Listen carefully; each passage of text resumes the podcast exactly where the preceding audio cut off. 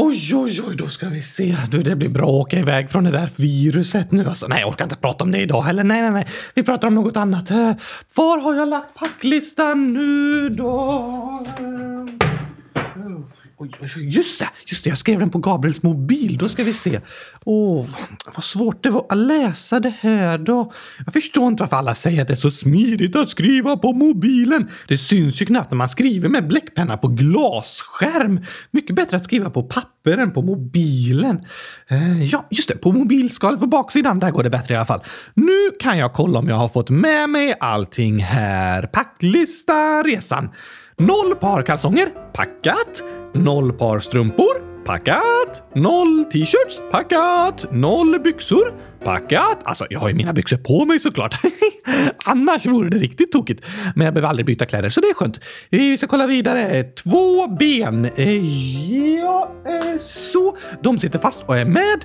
Rymddräkt, packat. 100 000 liter gurkaglass, packat. Eller egentligen är det bara 99 999 liter kvar. Jag har ätit lite medan jag har packat. Ja, ja, ja. 100 paket kylskåpsgrytor. det är packat. 100 000 vita papper, de är packade. Kylskåp! Kylskåpet, packat. Ha, finns det något mer man kan behöva i rymden? Oskar! Hallå? Jag kommer inte in. Vad har du gjort? Oj, eh, du, det står visst 100 000 liter gurkaglass i vägen för dörren. Vänta, jag ska flytta lite.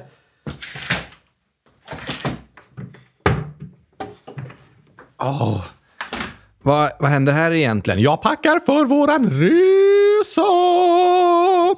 Vilken eh, resa till... Rymden! Jag har checkat av allt på packlistan nu. Okej, eh, jag får... se- Vart har du den? Här. Har du skrivit på min mobil? Precis, tack för lånet. Du, när man säger att man ska skriva på mobilen så brukar man mena att man liksom antecknar i en app i mobilen. Ah, nej. Nej, man säger att man ska skriva på mobilen, inte i mobilen. Ja, man säger så. Skriva på datorn, skriva på mobilen. Det låter som att man ska använda en penna och skriva på mobilen. Ja, nu står din packlista på min mobil alltså. Ja, så vi inte glömmer något, men det är lugnt. Allting är med. jag får kolla. Noll par kalsonger. Packat! Inte packat menar du? Ja, så kan man också se det. Det kanske är onödigt att skriva med strumpor och kalsonger på listan om du inte ens använder det. Nej, men det är så att jag inte ska packa massa i onödan. Det gäller att resa lätt när man ska ut i rymden. Får inte ta med sig för mycket i onödan. 100 1000 liter gurkaglass är inte att resa lätt. Det där är en nödvändighet, Gabriel. Alltså, ja. Eh, vad står det här då? Eh, rymddräkt. Packat! Har du en rymddräkt? Ja, jag har packat regnkläder, silvertejp, snorkel och cyklop. Det borde duga. Snorkel? Nej, alltså. Den används för att få syre över vattenytan. Det hjälper inte i rymden. Jag behöver inget syre, så det är lugnt. Ja, just det. Du skulle ju kanske klara dig eh, faktiskt. Yes! Min rymddräkt duger gott och väl. Det viktigaste är regnkläderna så att den skyddar mig mot att bli blöt. Det vore det värsta. Ja, du blir inte blöt i rymden. Och alltså, en rymddräkt är inte bara lite kläder att ta på sig. En riktig rymddräkt är som ett eget minirymdskepp nästan. Hur menar du då? Det är otroligt avancerade grejer. En viktig funktion är såklart att astronauterna ska kunna andas, så i rymddräkten finns syretankar. Vad tänker de på?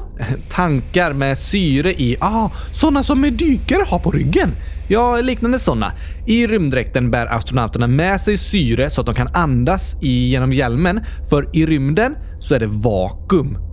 Vakuum? Vakuum betyder att det inte finns någon luft. Det finns ingenting. Vad finns det då? Ingenting. Vadå ingenting? Bara luft? Nej, inte luft heller. Luft är också någonting. Vad är luft? Luften består av olika gaser.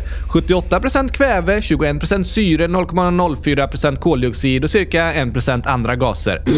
Är det gas i, luften? Men gas är ju giftigt att andas. Det finns giftiga gaser, men det finns också gaser som är bra och viktiga för oss människor. Syre till exempel behöver vi för att andas och det finns i luften på jorden. Oj, men det är genomskinligt liksom. Ja, luften ser ju ut som ingenting, fast egentligen är det osynliga gaser som syre som vi kan andas. Men de finns inte i rymden. Nej, i rymden är det vakuum. Då finns det inte ens luft. Så det går inte att andas i rymden. Nej. Så en funktion rymddräkterna har är att astronauterna ska kunna andas syre. Smart! Men eftersom det är vakuum i rymden, tomrum, just det, så finns det inget tryck i rymden. Tryck? Precis. På jorden går vi runt med ett ständigt tryck på oss. Som gör att människor känner sig deppiga och stressade och tryck över bröstet? Nej, inte så i, inne i hjärnan mentalt liksom, utan ett, ett fysiskt tryck. Jorden har något som kallas gravitation. Det innebär att den drar saker till sig. Att allting faller nedåt.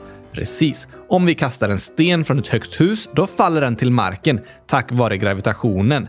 Och gravitationen, som även kallas jordens dragningskraft, den drar även all luft till sig. Alla gaser?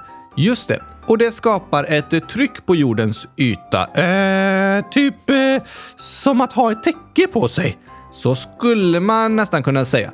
På jordens yta har vi hela tiden ett tryck på oss, på våra kroppar. Och tryck mäts i enheten atmosfär. Så vid havsytan är trycket en atmosfär. Kan trycket ändras? Ja, det kan det. På olika höjd är trycket olika högt och under vatten så är trycket högre. När man kommer under 10 meter under vattenytan så blir trycket mer än en atmosfär. Så då trycks det hårdare på kroppen?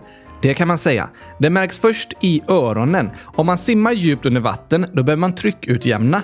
Då stänger man munnen, håller för näsan och försöker mm, blåsa ut luft. Då leds luften till öronen istället för ut genom näsan eftersom man håller för den. Som man gör när man har lock för öronen! Precis. Trycket förändras mycket om man är under vatten och det förändras beroende på vilken höjd man är ovan jord också. Så om man åker bil snabbt ner för ett berg till exempel, då kan man få lock för öronen för att trycket förändras. Så då måste man hålla för näsan och blåsa ut luft genom öronen typ för att jämna ut trycket. Just det.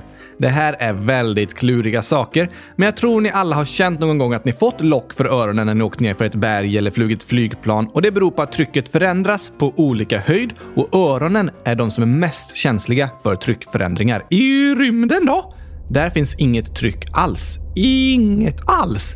Nej, det finns ingen gravitation, så i rymden flyger man bara omkring utan att dras neråt mot jorden. Va? Just det, det finns ingen luft och inget tryck. Vad händer om man går ut från rymdskeppet utan en rymddräkt då? Ja, för det första finns det inget syre så det går inte att andas.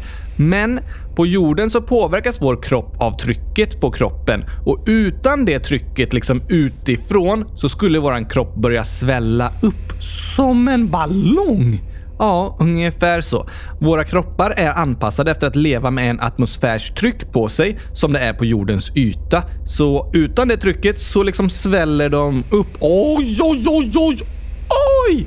Då kanske det inte räcker med regnkläder och eh, silvertejp. Nej, en rymddräkt är mycket, mycket mer avancerad än så. Den rymddräkt som NASA använder vid rymdpromenader, den väger hela 180 kilo och tar en timma att ta på sig. Men när den väl är på, då kan astronauten vara på en rymdpromenad i åtta timmar ute i tomma rymden. Oj!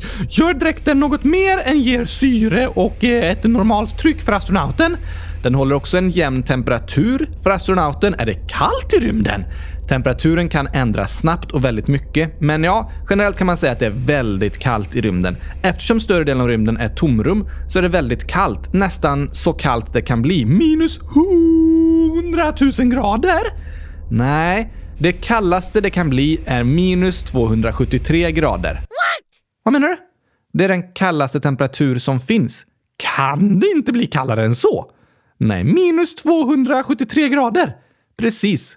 Hur varmt kan det bli då? Ja, det finns ingen övre gräns för hur varmt det kan bli. Det går alltid att lägga till mer värme. Men om man tar bort allting, alla partiklar, all värme, då blir det så kallt som möjligt och det är minus 273 grader. Så i rymden är det så kallt? Ja, man brukar säga att rymden består av vakuum, men det är nästan omöjligt med totalt vakuum. Det finns kanske några få partiklar, några få atomer liksom. Så temperaturen i rymden beräknas vara någonstans runt 3 grader över det kallaste som finns. Det kallaste som finns kallas den absoluta nollpunkten. Minus 273 grader!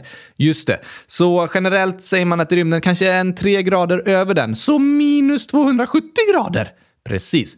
Fast det beror ju på var i rymden man är. Nära solen och andra stjärnor kan ju vara jättevarmt. Men om en astronaut gör en rymdpromenad i solens skugga bakom ett träd, till exempel på andra sidan jorden mot var solen är. Ah, så hon inte ser solen? Just det. Då är det ungefär minus 270 grader där. Det låter bra med en rymddräkt då. Eller hur? Så rymddräkter är alltså bra att ha i rymden och i Norrland. Norrland, där kan det vara riktigt kallt. Ja, oh, men inte minus 270 grader. Vad är det kallaste det blivit i Sverige då? Sveriges köldrekord är minus 52,6 grader och på jorden då är köldrekordet minus 98,6 grader. På Antarktis eller? Ja, helt rätt. Yes! Men då är rymden mycket, mycket, mycket kallare. Precis. Därför är det viktigt med en rymddräkt. Jag tror inte det räcker med regnkläder. Nej, inte ens termobyxor. Nej, inte ens det. Inte ens dubbla långkalsonger, mjukisbyxor, regnbyxor och termobyxor. Nej, det kanske inte ens räcker när det är minus 273 grader, Oskar. Men på grund av kylan i rymden så finns det särskilda värmare i fingrarna på handskarna på en rymddräkt. Smart! Och visiret, det är guldfärgat för att skydda mot solens starka strålar. Visiret! Det som är framför ansiktet. Jaha, om man är i solen i rymden, då måste det bli väldigt varmt. Ja. Om en astronaut gör en rymdpromenad i solen, då kan det bli väldigt varmt och strålningen från solen kan vara farlig för ögonen. Då skyddar det guldfärgade visiret både mot solens strålar och mot värmen. Oj, oj, oj! Häftiga kläder det där! Eller hur? Och i rymddräkten finns också vatten som astronauten kan dricka. Det behövs om man är på promenad i åtta timmar. Men om astronauten bara svävar omkring i rymden utan gravitation, hur gör de promenader då? Alltså, en rymdpromenad, det kallas det när de går utanför rymdskeppet. Men det handlar inte om att gå ut och gå i rymden, utan de klättrar liksom runt på rymdskeppet. Kanske lagar något på utsidan och så vidare. Men svävar de ju runt och drar sig fram och sådär. Aha! Fast det har ju gjorts riktiga promenader på månen, också med rymddräkter. Precis. En sista häftig grej med rymddräkterna är att på ryggen har de ett livräddningspaket som kallas Safer.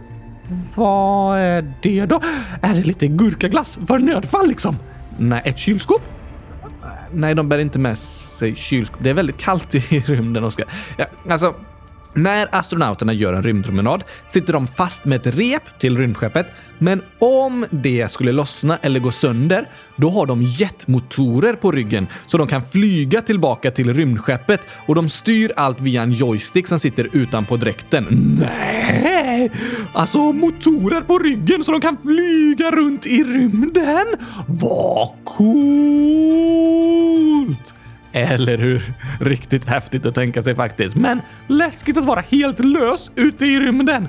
Det vore otroligt läskigt och därför sitter astronauterna alltid fast med rep i rymdskeppet. Hoppas de gör en dubbelknut. Ja, det kan du lita på att de gör. Du, jag tror jag ska köpa en sån där rymddräkt istället för mina regnkläder och silvertejp. Det låter mycket häftigare. Ja, jag förstår att du vill ha en sån, men en rymddräkt är oerhört invecklad och komplicerad, så en dräkt kostar cirka 170 miljoner kronor att tillverka. 170 miljoner? Yes, där snackar vi dyra kläder. Verkligen. Men det är i alla fall mer än bara lite tyg i de kläderna. Ja, tack. Men, men, jag får väl hålla mig inne i rymdskeppet då eftersom jag inte har råd med en rymddräkt. Vad menar du? När vi åker upp i rymden. Vi ska inte upp i rymden. Fast vi har ju ett rymdavsnitt, Gabriel! Ja, men vi åker i fantasin. Precis, den står parkerad där utanför. Jag har redan börjat packa. Inte bilen fantasin. Ska vi inte åka i fantasin? Jo, den riktiga fantasin. Fantasin är inte på riktigt. Det är hela grejen. Vi har pratat om det här, Gabriel. Oskar, du har en bil som heter Fantasin som jag kan resa i. Just det, och en som heter Tiden så jag kan resa framåt i tiden. Klurifaxigt. Men idag reser vi i fantasin i våra hjärnor. Alltså så orättvist att jag inte får följa med bara för att jag inte har någon hjärna. Du får följa med. Yes! Jag har en idé till, Gabriel. Okej, okay. alltså rymden är ju så stor. Precis, så man räknar avstånd i ljusår. Just det. Det här har vi pratat om tidigare. Rymden är ju för stor för att vi ska räkna avstånd i meter och kilometer. Istället räknar man avstånd i ljusår, för ljuset är det snabbaste som finns. Ljusets hastighet brukar ses som det snabbaste som finns. Idag görs dock en del forskning på om det faktiskt finns partiklar som kan färdas ännu snabbare än ljuset. Men i alla fall så är ljusets hastighet 300 000 kilometer i sekunden genom luften. Ja, ljuset färdas olika snabbt i olika material. Hur då?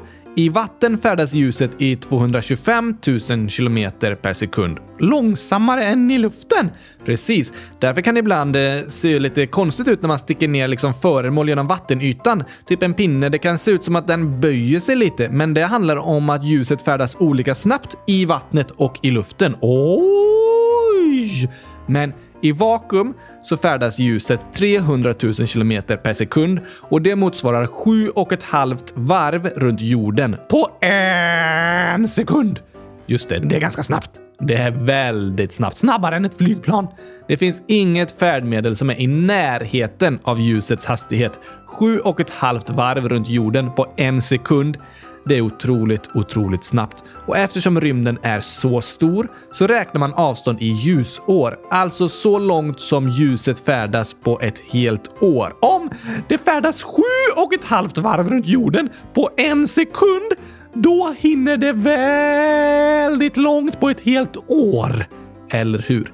Väldigt, väldigt, väldigt långt. Men jag har en idé. Okej, vi köper en ny radiostyrd bil. Aha. och så döper vi den till ljuset. Okej, ja visst. Och så kör vi med den. Men sen så sitter vi i en annan bil och kör snabbare. Aha, då färdas vi snabbare än ljuset! Eh, då kan vi börja resa runt i rymden alltså. ja, du, jag är smartast! Ingen uppfinnare genom hela historien har kommit på hur människan kan färdas snabbare än ljuset eller resa bakåt och framåt i tiden. Bara jag! Det behövs dockor för att lösa sådana här problem. Att döpa bilar till ljuset och tiden, det är liksom inte en lösning på problemet. Jo, jag kan resa framåt i tiden och färdas snabbare än ljuset. På ditt egna klurifaxiga sätt. Precis! Oh, jag får boka en tågbiljett till den här Nobelmiddagen snart tror jag. ja, ah, du är finurlig du, Oskar. Klurifaxkungen!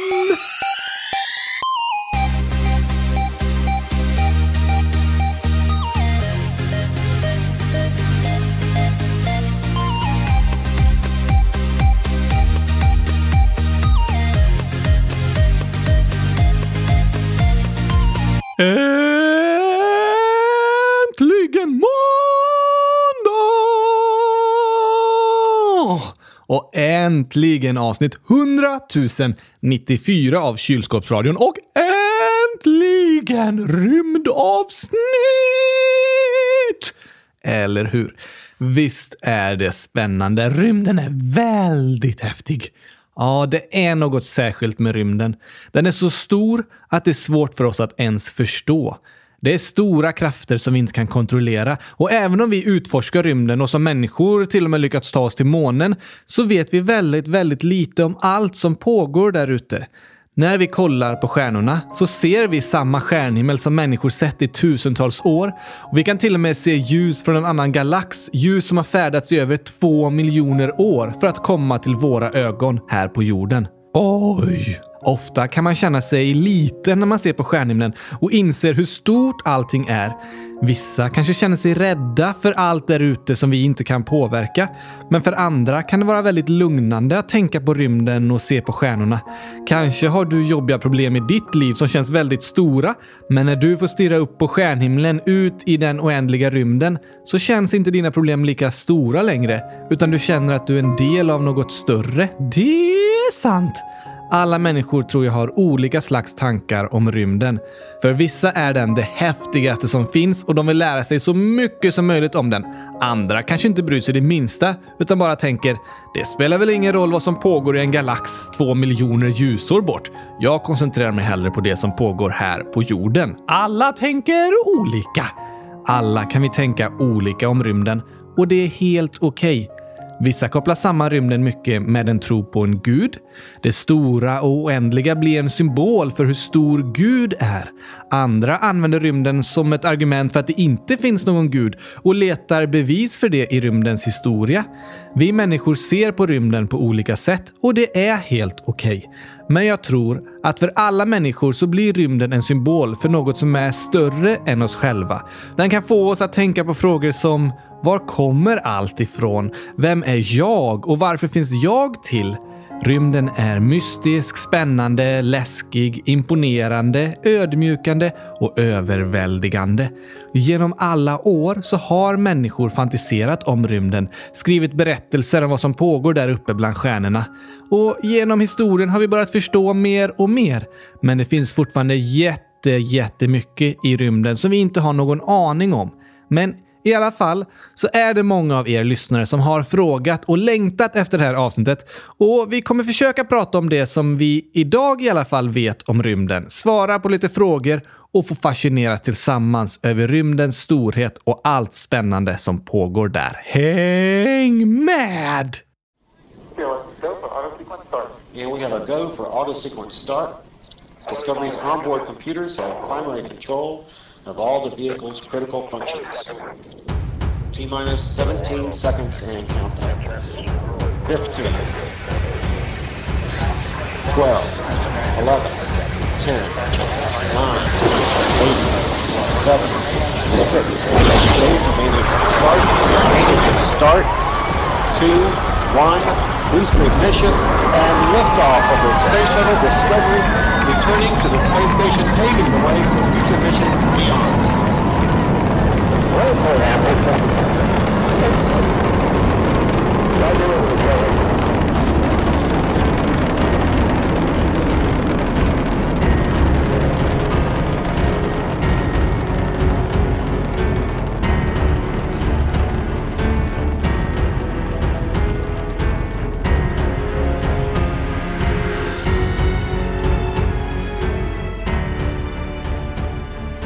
Jag tänker att vi tar och läser upp lite inlägg och frågor, Oskar, så kommer vi igång. Smart tänkt! Simon, 37 år, skriver så här. Rymdfakta.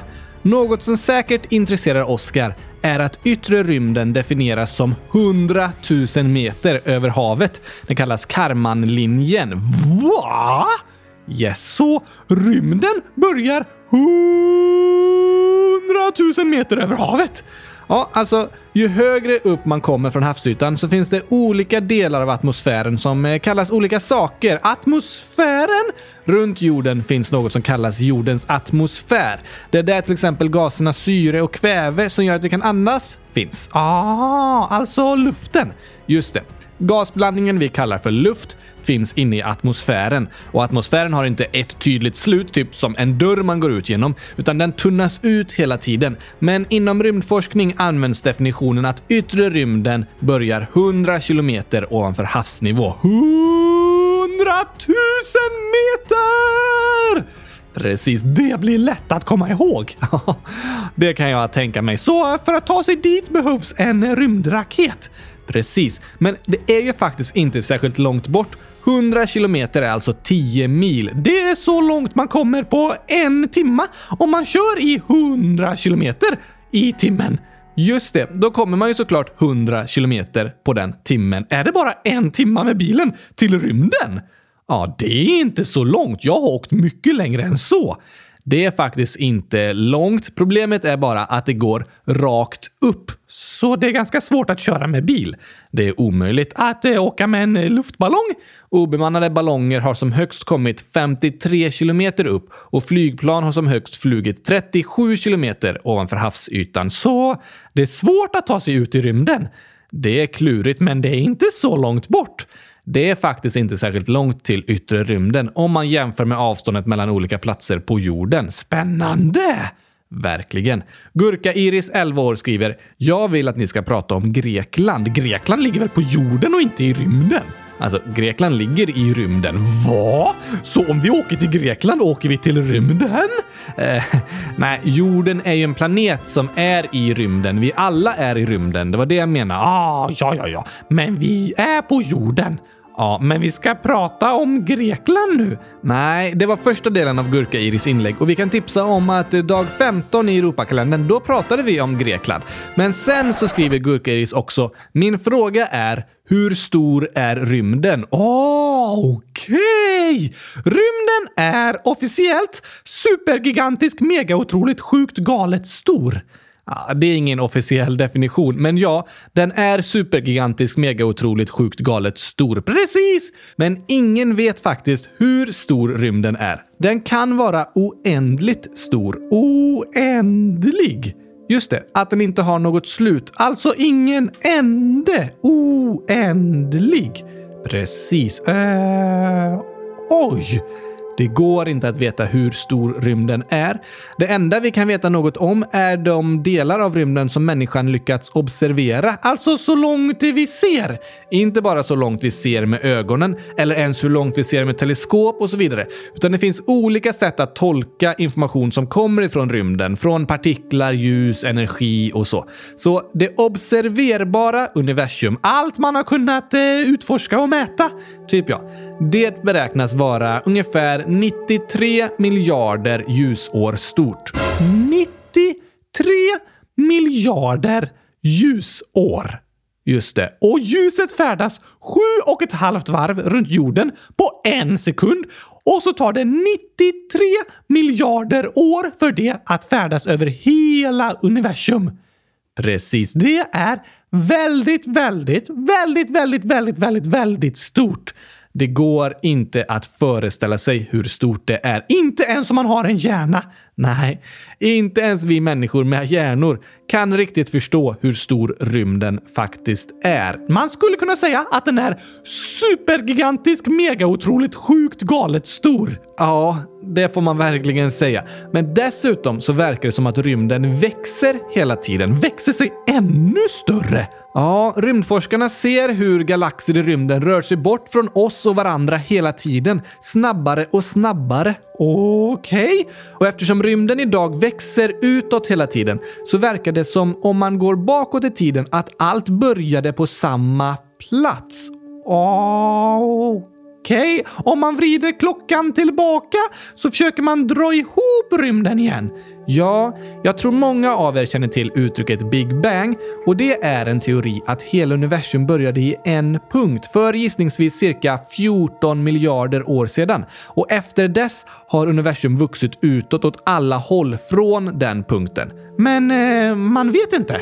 Det finns mycket i rymdforskningen som tyder på det, men såklart går det inte att veta säkert exakt hur allting gick till för 14 miljarder år sedan. Var det ingen som skrev dagböcker då och kunde berätta eller tog några bilder?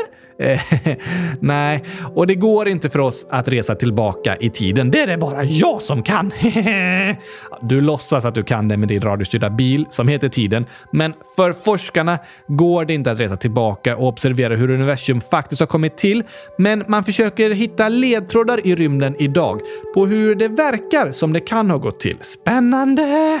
Vissa tycker det är jättespännande och viktigt att försöka ta reda på hur allting har blivit till. Och vissa bryr sig inte alls. Många letar svar i olika religioner som beskriver hur Gud har skapat världen.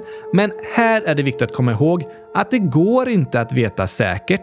Vi kan ha olika teorier och försöka leta svar, men det är också viktigt att vi respekterar varandra. Många människor söker svar och hittar dem på olika sätt. Vi hittar olika svar på samma frågor. Därför tror jag det är viktigt i de här frågorna att inte bara tänka “jag har rätt, alla andra har fel”. Det går inte att veta säkert. Nej, när vi funderar på hur universum kommer till och så vidare så kommer det aldrig gå att veta säkert och därför måste vi vara ödmjuka och respektera och lyssna på varandra. Ödmjuka? Ja, alltså att inte tänka “jag vet allt, så som jag tänker är rätt”. Att vara ödmjuk handlar om att våga acceptera att jag vet inte allt. Det är lite läskigt, men det är sant. Att vara ödmjuk handlar om att eh, lyssna på andra och acceptera att andra tänker annorlunda än jag. Och när vi pratar om universum och hur världen har kommit till har vi alla människor olika teorier och svar och därför är det extra viktigt att vi är ödmjuka och respekterar varandra i den frågan. Sant! Jona, 9 år, skriver VVSFA är 1900 gånger större än våran sol. Wow, det är en stor människa. Det är ingen människa. Vad är VVSFA då? Ja, det är en av de största kända stjärnorna i Vintergatan, alltså vår galax. Så stjärnor är större än solen?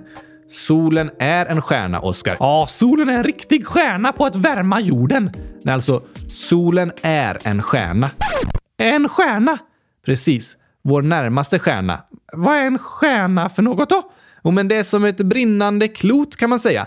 Inuti stjärnor pågår något som kallas fusion och det är när atomkärnor slås samman och då skapas det massa energi som stjärnan strålar ut hela tiden. Så de är jättestora, jättevarma och lyser jättelångt. Det kan man säga. Och vår närmaste stjärna är solen. Till den är det cirka 8 ljusminuter. Det är långt. Ja, det är väldigt långt om man jämför med avstånd här på jorden. Men om man jämför med hela universum så är vi väldigt, väldigt, väldigt, väldigt nära solen. Okej. Okay. Och solen är väldigt stor. Större än Sverige? Uh, ja, större än hela Europa?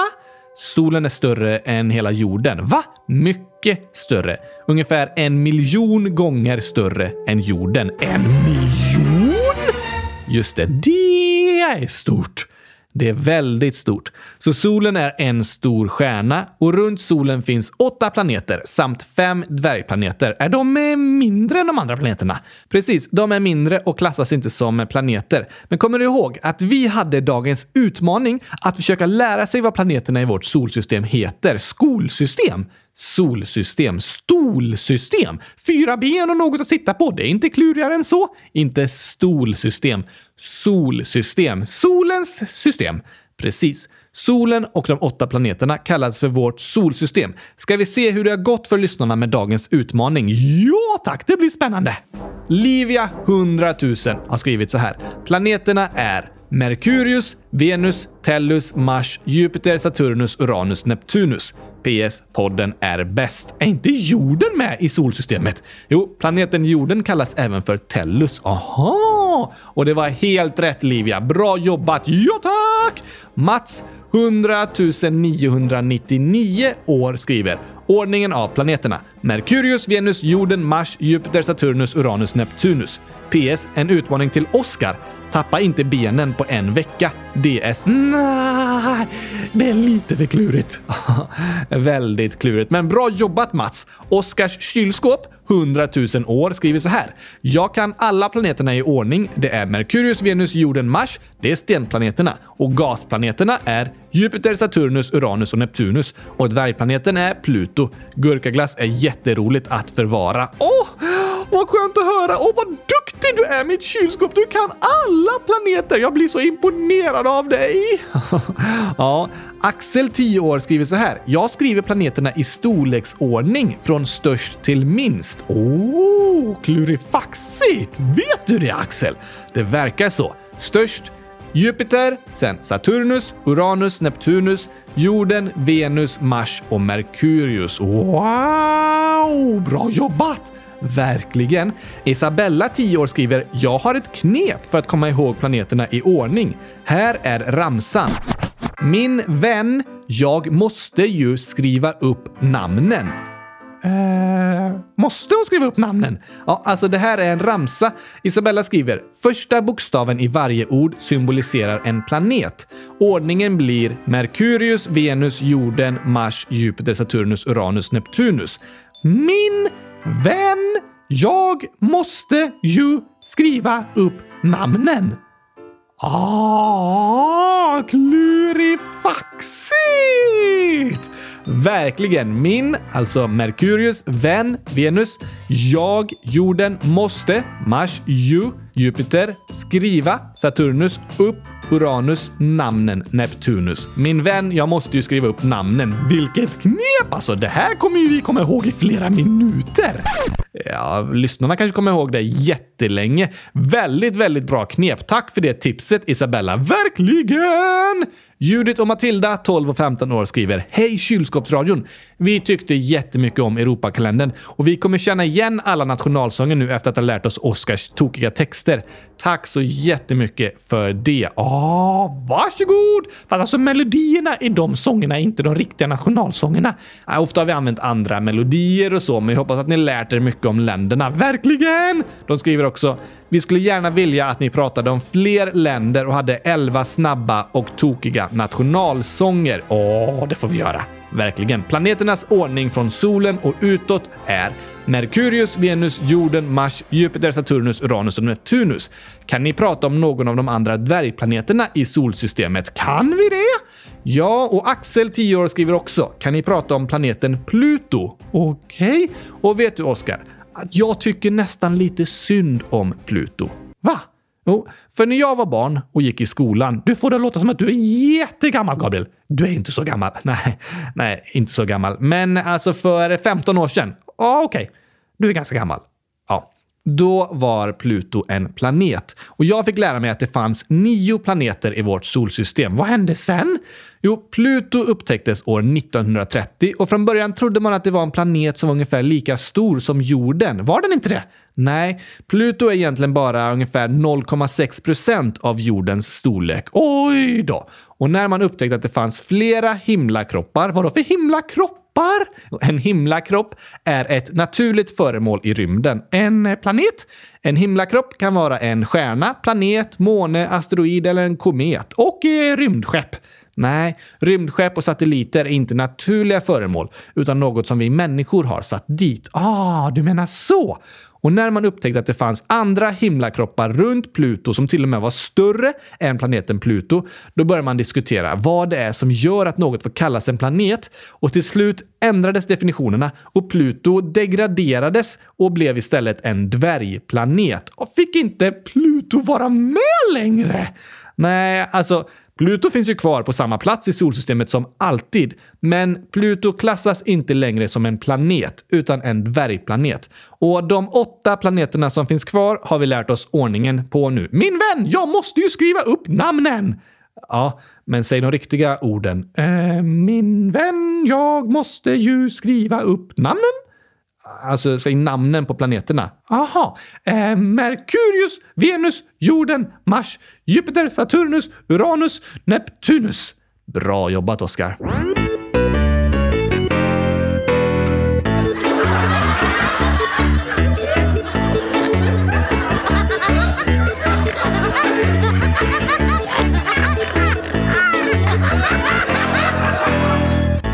Har du några oändligt roliga rymdskämt? Oändligt roliga skämt måste vi ju ha med i dagens avsnitt. Ja tack! Och vi har fått in några stycken från lyssnarna. Här kommer de. Mats, 9 år, skriver ett rymdskämt från Flashback. Hur serverar astronauter middagen? Um, astronauter i rymdskeppet eh, på en tallrik? Nej, på flygande tefat oj, oj, oj, oj, oj, flygande tefat upp i rymden. Och då får de äta på. det får astronauterna äta på. Jätteroligt. Axel, 10 år. Vilken är den roligaste planeten? Ha, det känns som jag har hört det här. Oh, rolig planet! Mars, för där får man äta godis. Nej, den roligaste planeten är Melkulius. Oh, Oj, oj, oj, det var ett bra skämt. Ja, verkligen. Men vet du Gabriel? Jag har hittat några skämt också! Va, har du hittat några rymdskämt? Precis! Är du med eller? Okej. Okay. En astronaut till en annan. Gick det bra med rymdresan? Nej, den blev uppskjuten. ja, det blir ju ett rymdskepp. Precis! Vet du vad som hade hänt om Facebook funnits när Sovjet sköt upp det första djuret i omloppsbana? Om Facebook hade funnits... Ja, alltså det var en hund som var det första djuret som färdades i omloppsbana runt hela jorden. Precis! Och vad hade hänt då om Facebook funnits? Um, jag vet inte. Alla hade likat. ja, för hunden hette Laika. Just det! Det går verkligen att lajka. Uh, vilken är favoritchokladen i rymden? Mm. Vet inte. Mars. Ja, det är sant. Varför åkte Musse Pigg ut i rymden? Musse Pigg? Jag vet inte. Han letade efter Pluto. Ah, ja, ja. Den borde jag ju kommit på. Men Men sista frågan då. Varför är det så tråkiga fester i rymdstationen? har de inga roliga kalas och firanden och sådär? Nej tack! Nej, varför? För att det inte är någon gravitation? Nej, de har ingen atmosfär. Nej, atmosfären finns ju här på jorden. Precis, luften och sånt där. Just det, men atmosfär kan ju också vara något. Det kan vara en härlig atmosfär, typ i, i en grupp med människor i ett rum kan det vara en rolig och skön stämning liksom. Just det, men i rymdstationen där har de ingen atmosfär. Nej, de har väl inte det. Det var roliga skämt. Tack till Mats och Axel. Och till mig! absolut. Hoppas ni har tränat magmusklerna för här kommer kylskåpsradions skämtsång! Jag har ett skämt om ett släp fast orkar inte dra det. Jag tar alltid med mig en sax för då blir det success. Som ett djur som vaknar först, ja, piggsvinet och hälsar hela tiden som värsta hejarklacken! Får, får, får? Nej, får, får lamm. Det var en gång och den var sandig. Vad lär sig hajen simma? I high school. Vad kallas det när fiskar slåss? Fiskespö. En dag sa en ko mu. Då svarade en annan ko seriöst. Det var ju precis vad jag skulle säga. Har ni sett de kända tanterna kontanterna? De vinner om och om igen på återvinningen. Stackars bladlösen så små som har stannat i växten och hunden som fick ont när de åt en hotdog. Dags för väckelserörelse. Ja, morgongympa. Att väga fiskar i havet om det kommer en våg. Hänga med trevliga fågeln. Umgåsen när vi drar ut i öknen och drar torra skämt. Gabriel, vet du varför de bygger större fängelsen? Nej, varför gör de det? För att då rymmer det fler. Vilken är den äckligaste fågeln? Snorkråkan. Vilken fisk har två ben? Abborren. Varför går inte vägen? Den vägrar. Vem tycker om el? Gabriel! Nu ska vi testa dina skämtskills lite här då, Oskar. Jag har störst skämtskills i hela världen! Säkert. Vad är det för likhet mellan en fisk och en bergskedja? Båda har fjäll. Varför är matteboken så ledsen? För att den är full med bråk. Varför äter fransmännen sniglar? För att de inte gillar snabbmat. Vilken app tar längst tid att hämta? Sen-appen. Vem har fötterna på jorden men svävar i luften? Jag. Du, Ja, en docka som har tappat benen. varför ser norrmännen aldrig klart på Hulken? De går när det blir grön gubbe. Varför är det lätt att åka skridskor? Det är easy. Hur stoppar man mjölken från att gå ut? Man stänger dörren. Men varför går mjölken ut? För att den blir sur. Imponerande. Ja, tack!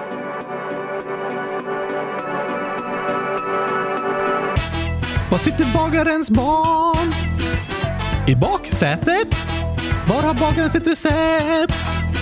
I bakhuvudet. Hur bagaren på fest? Som gäst. Vad tyckte ni om sången? Jo, den var bäst i test. Vi tar några inlägg till här. Kylskåp 100 000 skriver Oscar är bäst i hela universum. I hela universum! Det var en fin komplimang! Komplimang, komplimang! Ja, den var väldigt fin. Tack så mycket. Tack mitt kylskåp! Josef 9. För Oscar så är jag 100 000 år. Åh, det var en bra ålder. Jag vet typ allt om rymden och jag vill säga lite fakta. Jorden kom till av dust och jag kan prata lite grekiska, lite spanska, mycket engelska och jättemycket svenska. PS. Oscar är inte rolig. PSS. Kan ni ha ett helt avsnitt utan Oscar och bara fakta? Men Vad vad var det? Ja, alltså Josef älskar fakta, så jag hoppas att du gillar dagens rymdavsnitt med massa fakta! Massa fakta. Och jag vill ju att du ska oftast vara med i podden, Oskar. Ja, tack! Men det är också kul att höra att du uppskattar det jag säger med Josef och inte bara skämten och skoj. Ja, tack. Och vi har ett till inlägg här från Josef som bor i Cypern och är född i Cypern och som har bott i Sverige i sju år. Är det samma? Ja, det är samma Josef. Nio, fast för Oskar säger jag hundratusen. Just det! Han skriver “Tänkte fel. Jag skrev dust Ah, och det är liksom ett engelskt uttryck. Aha! Och man kan säga att det är typ som eh, damm eller rymddamm. Okej! Okay. Sen så står det lite konstiga tecken här. Uh, och längst ner står det PS. Detta är japanska som jag har skrivit. Jag har skrivit på japanska. Det var häftigt. Jag ska se om jag kan kopiera och översätta här på Google Translate. Då ska vi se. Först står det PS. Ehm, tidernas podcast är det bästa. Mm, hur säger man det på japanska? Uh, Jidai no poddokasaito wa sakodes. Nej, jag tror inte det är så man säger det på japanska. Nej, det tror inte jag heller. Sen så står det PSS och så japanska igen. Vi översätter. Sluta gör aldrig vad du gör. Sluta gör aldrig vad du gör. Jag tror han menar sluta aldrig göra vad du gör. Jaha, med podden liksom. Precis. Det är kanske lite dålig översättning här från Google Translate. Och så ser vi PSSS. Hmm, här.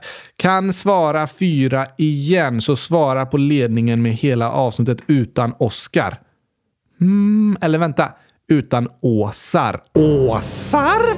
Vem är Åsar? Jag tror det är du, fast det blev nog så när det översattes från japanska till svenska. Åsar! Heter jag Åsar i Japan?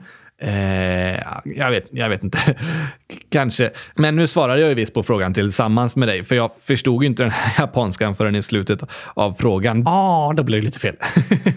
ja, eh, det blev Men tack för inlägget. Det var klurigt med japanska. Det var tur att du berättade att det var det, annars hade jag kanske inte förstått de där inläggen. Men hoppas du tycker om faktan i rymdavsnittet och tack för det du berättar om. Verkligen! Aron, 192 miljoners miljarder år, skriver också “Gissa vilken planet som är min min favorit?” ehm, Gurkaglassplaneten.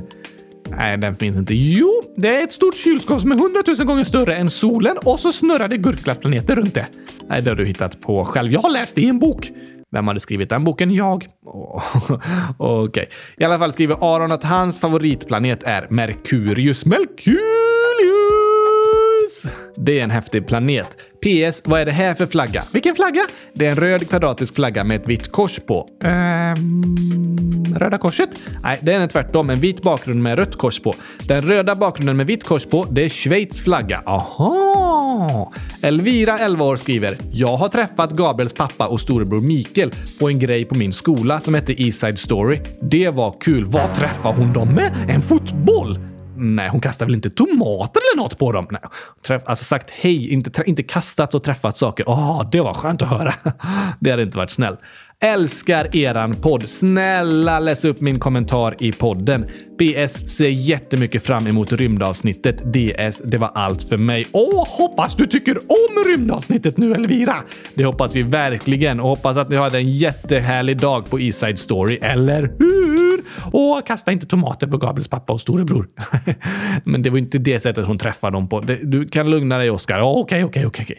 Axel, 10 år, skriver “Har ni sett den röda fläcken på Jupiter? Den är dubbelt så stor som jorden. Finns det en fläck på Jupiter?”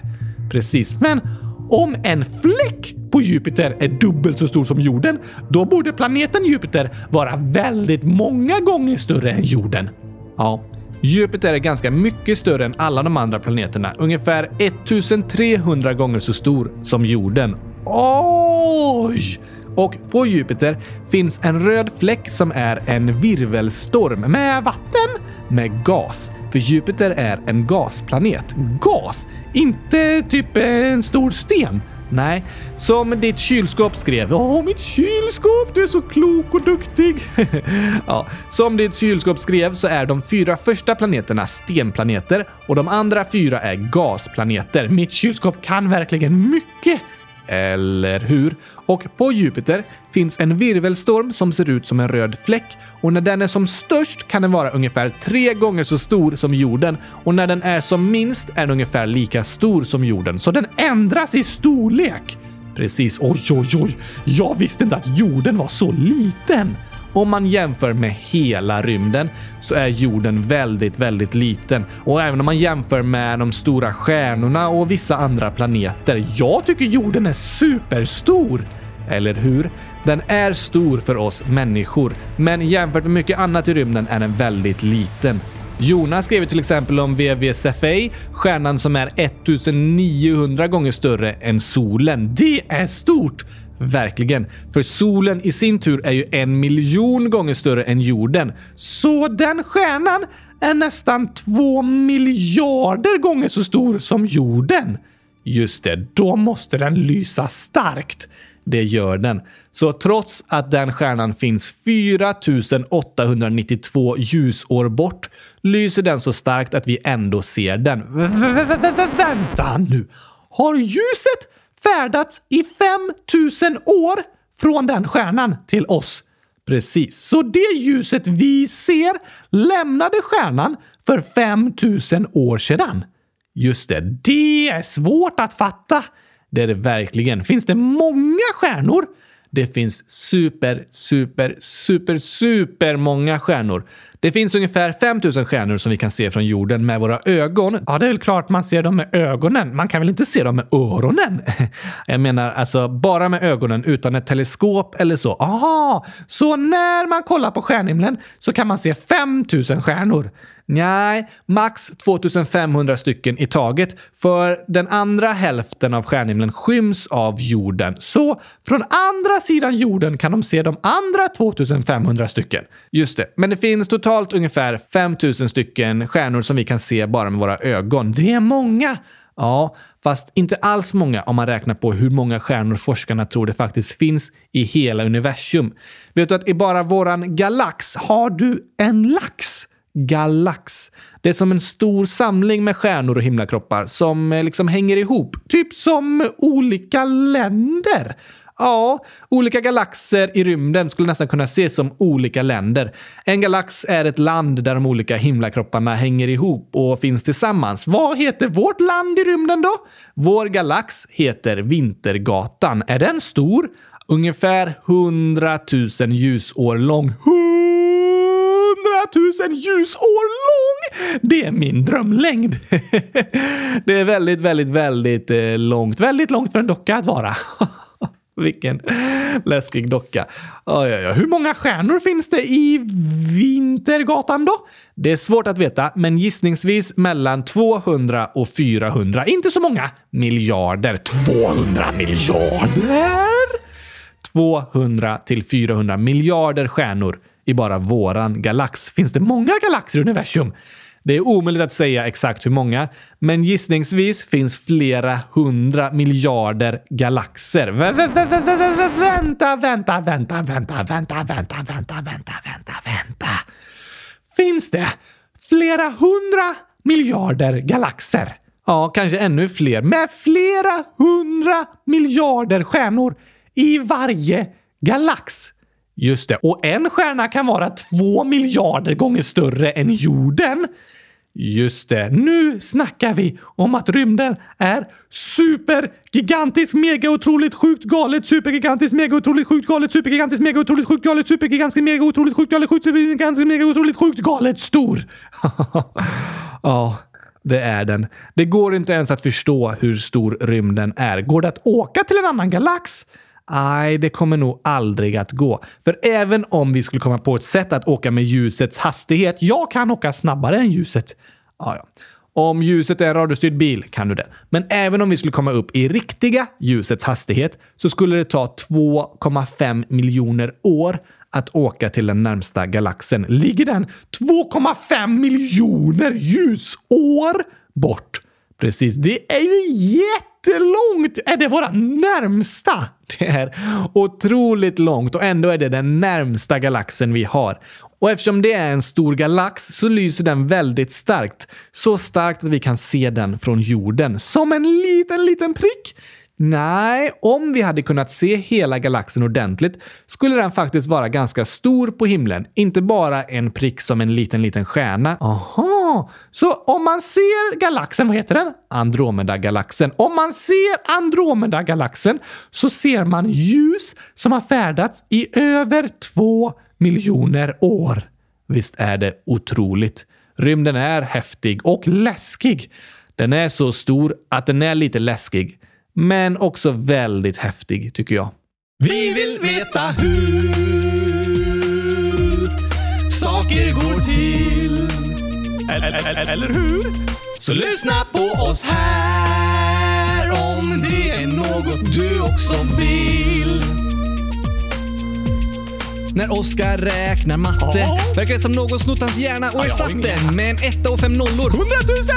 Om du letar efter honom bland husen har du gått fel för Oskar sover i ett Kylskåp! Hela dagen sitter han och målar. Kylskåp! Finns inget som han älskar så som Kylskåp! kan prata hela dagen om. Kylskåp!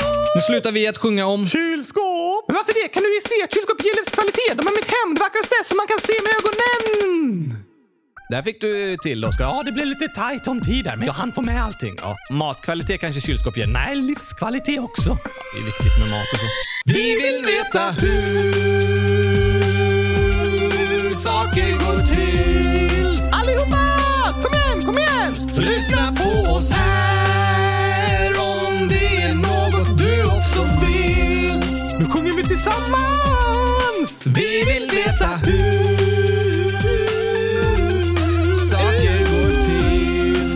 Saker går till.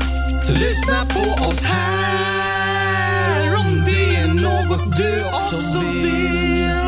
Yeah, yeah! Ja, ni måste lyssna på kylskåpsrören alltså. Ja, det får ni göra. Ja, tack!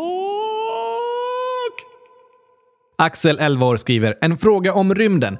Två av Saturnus månar, Janus och Epimetheus, jagar varandra. Hur coolt som helst. Har de filmat hur det ser ut? Har Saturnus också en måne? Saturnus har många månar. De flesta planeterna har mindre himlakroppar som är i omloppsbana runt om, som månar. Omloppsbana? Ja, eftersom planeterna har en dragningskraft, gravitation, Just det, så kan saker ute i rymden röra sig runt den planeten utan att dras ner i marken. Precis. Så funkar det med satelliter som skjuts upp i rymden. De åker i omloppsbana runt jorden. De sitter inte fast med något snöre eller något sånt utan hålls kvar av jordens dragningskraft utan att den är så stark att satelliterna dras ner och kraschar mot marken. Wow! På samma sätt är det med månen och med rymdstationen som finns uppe i rymden där astronauterna bor. Så andra planeter har också månar. Just det. Och runt Saturnus finns alltså två månar som nästan jagar varandra. Hur då? Deras omloppsbanor går liksom om varandra. De är i närheten av varandra och påverkas av varandras gravitation så att en planet får mer fart och den andra bromsas in och så byter de plats och sen så sker det åt andra hållet där den andra får mer fart och går om den första. Så ett tag ligger Janus först och sen går Epimetheus om och sen så går Janus om och blir först igen och så vidare. Det blir som att de jagar varandra ute i rymden. Det tar ett par år mellan varje byte med vem som ligger först. Oj, oj, oj, det var häftig fakta Axel. Verkligen. Har det filmats då? Nej, det tror jag inte, men det har gjorts många animeringar av hur det ser ut. Ja, alltid något! Eller hur? Axel frågar också, kan ni säga vad alla månar heter? Okej, måne 1, måne 2, måne 3, måne 4, måne 5, vara måne 6. Eh, Nej, vad vi i nuläget känner till finns det 205 stycken månar i vårt solsystem och de finns runt sex av de åtta planeterna. Det blir många namn att läsa upp. Eller hur? Merkurius och Venus har inga månar. Jorden har en och Mars har två. Phobos och Deimos. Men om det ska bli 205 stycken totalt måste de andra planeterna ha jättemånga månar då. Just det. Jupiter har 79 stycken månar, bland annat solsystemets största som heter Ganymedes och en som heter Europa. Va? Nästa Europakalender borde handla om den. ja, nästa Europakalender kanske får handla om Jupiters måne. Saturnus har 53 namngivna månar och 29 månar som ska bekräftas. Men NASA skriver på sin hemsida att de fortfarande letar efter mer information om de månarna. Men om alla de bekräftas som månar så har Saturnus 82 stycken och det är flest av alla planeter i solsystemet. De andra då? Uranus har 27 stycken. Några av de månarna är till hälften is och Neptunus har 14 månar. Oj, oj, oj, oj, oj! Nu är det mycket fakta. Verkligen.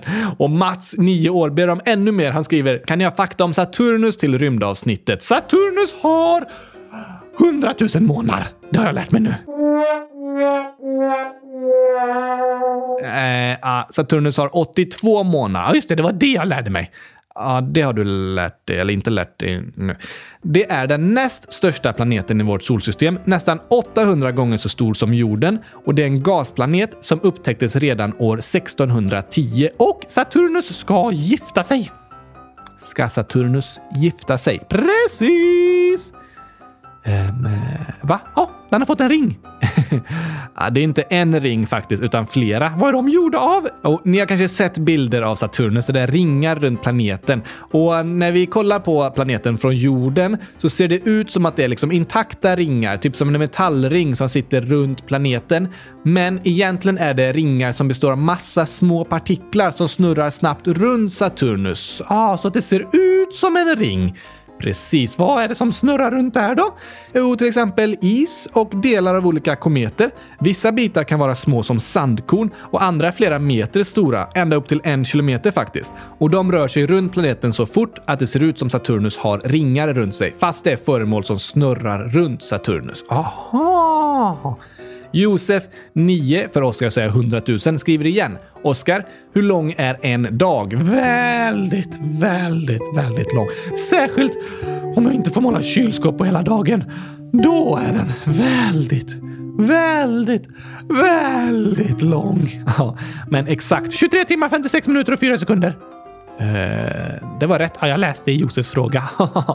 ja, Josef skrev svar 23 timmar, 56 minuter och 4 sekunder. Och ett år är 52 veckor och 6 timmar. Det är fakta jag har lärt mig i skolan. Förresten, svara please. Nu har vi svarat! Eller hur? PS, eran podd är bäst. PSS, jag menar inte att Oskar skulle vara så lugn. Jag menar att han inte skulle skrika. Aha, jag ska inte skrika! Oj. Jag ska inte skrika. det var det Josef menade. Vi får se hur det går. Det kan bli lite svårt. Jag kanske glömmer av det ibland. Axel, 10 år, skriver också igen. Kan ni berätta om stjärnan Betelgeuse när ni pratar om rymden? Kommer den explodera? Och hur kommer det se ut om den gör det? Vad är det för stjärna? Det är en så kallad superjätte. Superhjälte? Nej, en superjätte. Det betyder att det är en stjärna med stor massa. Som väger mycket liksom. En massa stjärna. ja, det är en stor massa stjärna. En stor och tung stjärna. Betelgeuse är den tionde starkast lysande stjärnan på vår stjärnhimmel. Men det är en stjärna som är ganska gammal, 8,5 miljoner år, och den har börjat krympa. Blir mindre och mindre. Precis. Betelgeuse krymper med 215 meter varje sekund. Oj då! Tur att inte jag krymper så fort. Nej, det hade inte gått. Men man räknar med att Betelgeuse radie, alltså så lång som den är från mitten ut till kanten, att den redan har krympt ett så stort avstånd som från solen till Venus. Lyser den svagare då också? Ja, det har den börjat göra. Vad kommer hända då? En gissning är att stjärnan Betelgeuse snart kommer förvandlas till en supernova. Supernova? Det låter häftigt. En supernova är en stjärna som har exploderat. Du lät det mer läskigt än häftigt. ja, att en stjärna exploderar är en av de mest våldsamma händelserna som kan ske i universum. Det är klart, om en så stor stjärna exploderar. Eller hur? När kommer det hända då? Det är det ingen som vet, men gissningsvis ganska snart. Kanske inom de närmsta tusen åren. Ganska snart? Brukar vara om en vecka eller så. Tusen år kanske inte är särskilt snart.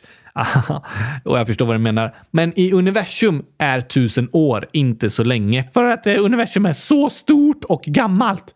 Just det. Blir det farligt för jorden om Betelgeuse exploderar? När en stjärna exploderar och blir till en supernova så frigörs det massor av energi och det blir en stor explosion. Men Betelgeuse finns 667 ljusår från jorden, så då är det ingen fara för jorden. Okej, okay, skönt i alla fall. Ja, men om Betelgeuse exploderar så kommer den supernovan lysa väldigt starkt på våran stjärnhimmel. Den skulle lysa starkare än fullmånen. Oj, oj, oj, oj! Supernova alltså! Det ska jag bli när jag blir stor. Du kan inte bli en supernova, Oskar. Nej, jag vet, för jag blir aldrig stor. Men annars hade jag blivit det. ja, okej okay då.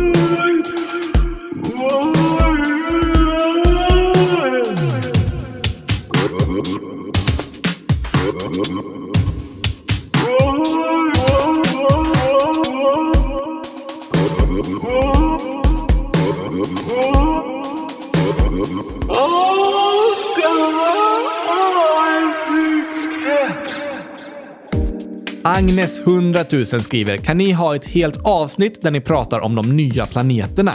Och eh, ett helt avsnitt kan vi inte ha idag då eftersom vi redan pratat om massa annat i dagens avsnitt. Precis så, det blir inte hela avsnittet. Men eh, skapas det nya planeter hela tiden? Nej, det skapas inte nya planeter. Det handlar om att vi upptäcker nya planeter. Men de har funnits där hela tiden. Väldigt länge i alla fall. Så egentligen är det gamla planeter. Just det, Som kallas för nya. Precis. Kul för dem. När de börjar bli gamla och känner sig liksom åh, nu händer inte mycket skoj längre. Så bara, nu får jag kallas för en ny planet. Va? Tack till er människor för att ni hittade mig när jag var gammal och kallade mig för ny. Ja, eller hur? Men varje år upptäcks nya planeter som kallas exoplaneter. Det betyder att det är en planet som är utanför vårt solsystem. Har man hittat många sådana? Ja, över 4000 planeter i över 3000 olika sylsystem.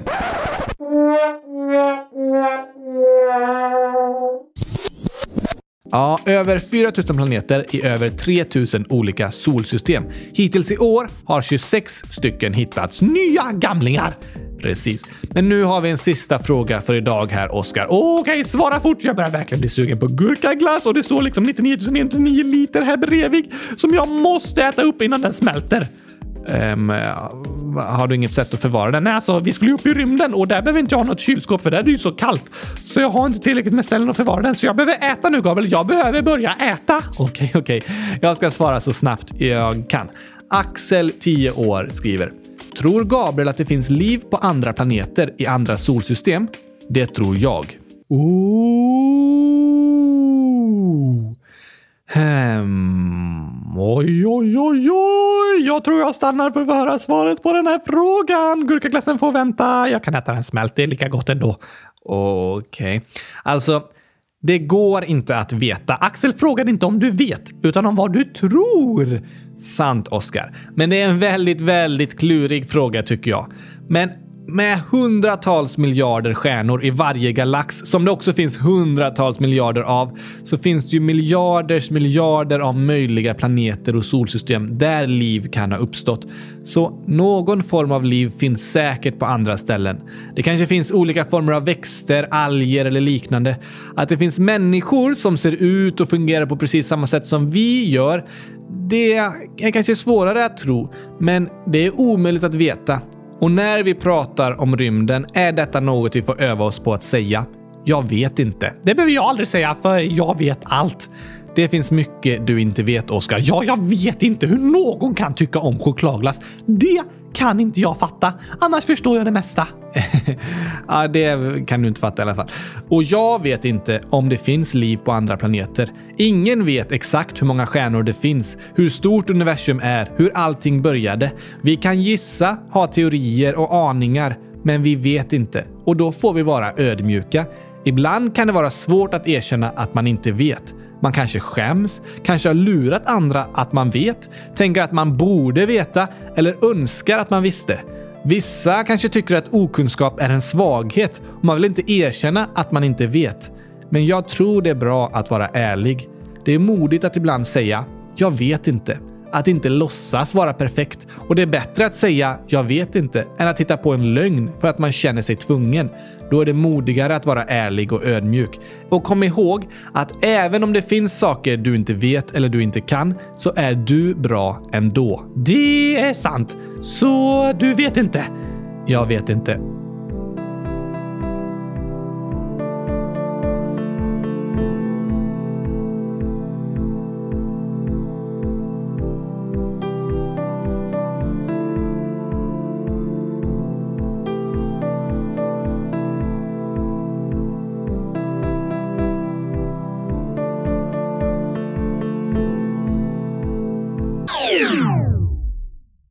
Vilket oändligt spännande avsnitt! Verkligen. Och oändligt långt. Eh, ja, det blev ganska långt. Det finns mycket att prata om. Ja, för rymden är supergigantisk, mega otroligt sjukt galet stor. Det är en bra beskrivning av rymden. Och nu hoppas jag att alla ni som har längtat efter det här avsnittet känner er nöjda. Det blev mycket fakta idag, men det vet jag att många av er lyssnare älskar. Och jag kan säga att jag har fått lära mig massor när jag har jobbat med att förbereda programmet. Varsågod! Ehm, vadå? För allt jag har lärt dig. Nu är det kanske inte främst du som har lärt mig de här sakerna, utan det har jag läst på hemsidor och så vidare. Men jag Har lärt dig några oändligt roliga rymdskämt i alla fall. Absolut. Kanske blir det ett rymdavsnitt igen någon gång i framtiden. Finns det mer att prata om? Det finns alltid massor att prata om med rymden. Den är oändligt stor och forskarna upptäcker hela tiden nya saker med den. Det är väldigt spännande. Men när vi pratar om den oändligt stora rymden är det lätt att känna sig liten och kanske tänka “men vad gör lilla jag för skillnad i den stora oändliga rymden?” Det är ingen skön känsla. Nej, det är ingen bra känsla. För även om rymden är stor så är ändå du viktig. Du spelar roll. Mitt i den stora gigantiska rymden så har du en plats och ditt liv gör skillnad. Det är viktigt att komma ihåg. Verkligen. Av allt det vi har pratat om idag så hoppas jag i alla fall att ni ska komma ihåg det. Du är viktig och du har en plats och ditt liv gör skillnad. Fortsätt gärna ställa frågor om rymden i frågelådan om ni vill så kan vi fortsätta svara på det även i andra avsnitt. Det får vi göra. Tack för idag! Stort tack för idag och ha en toppenbra vecka alla älskade lyssnare. Vi hörs igen på torsdag med ett nytt frågeavsnitt med hundratusen frågor! Nej, men med hundra frågor. Yes! Det blir bra. Ha det bäst tills dess. Tack och hej! Supernova-pastej! Hej då!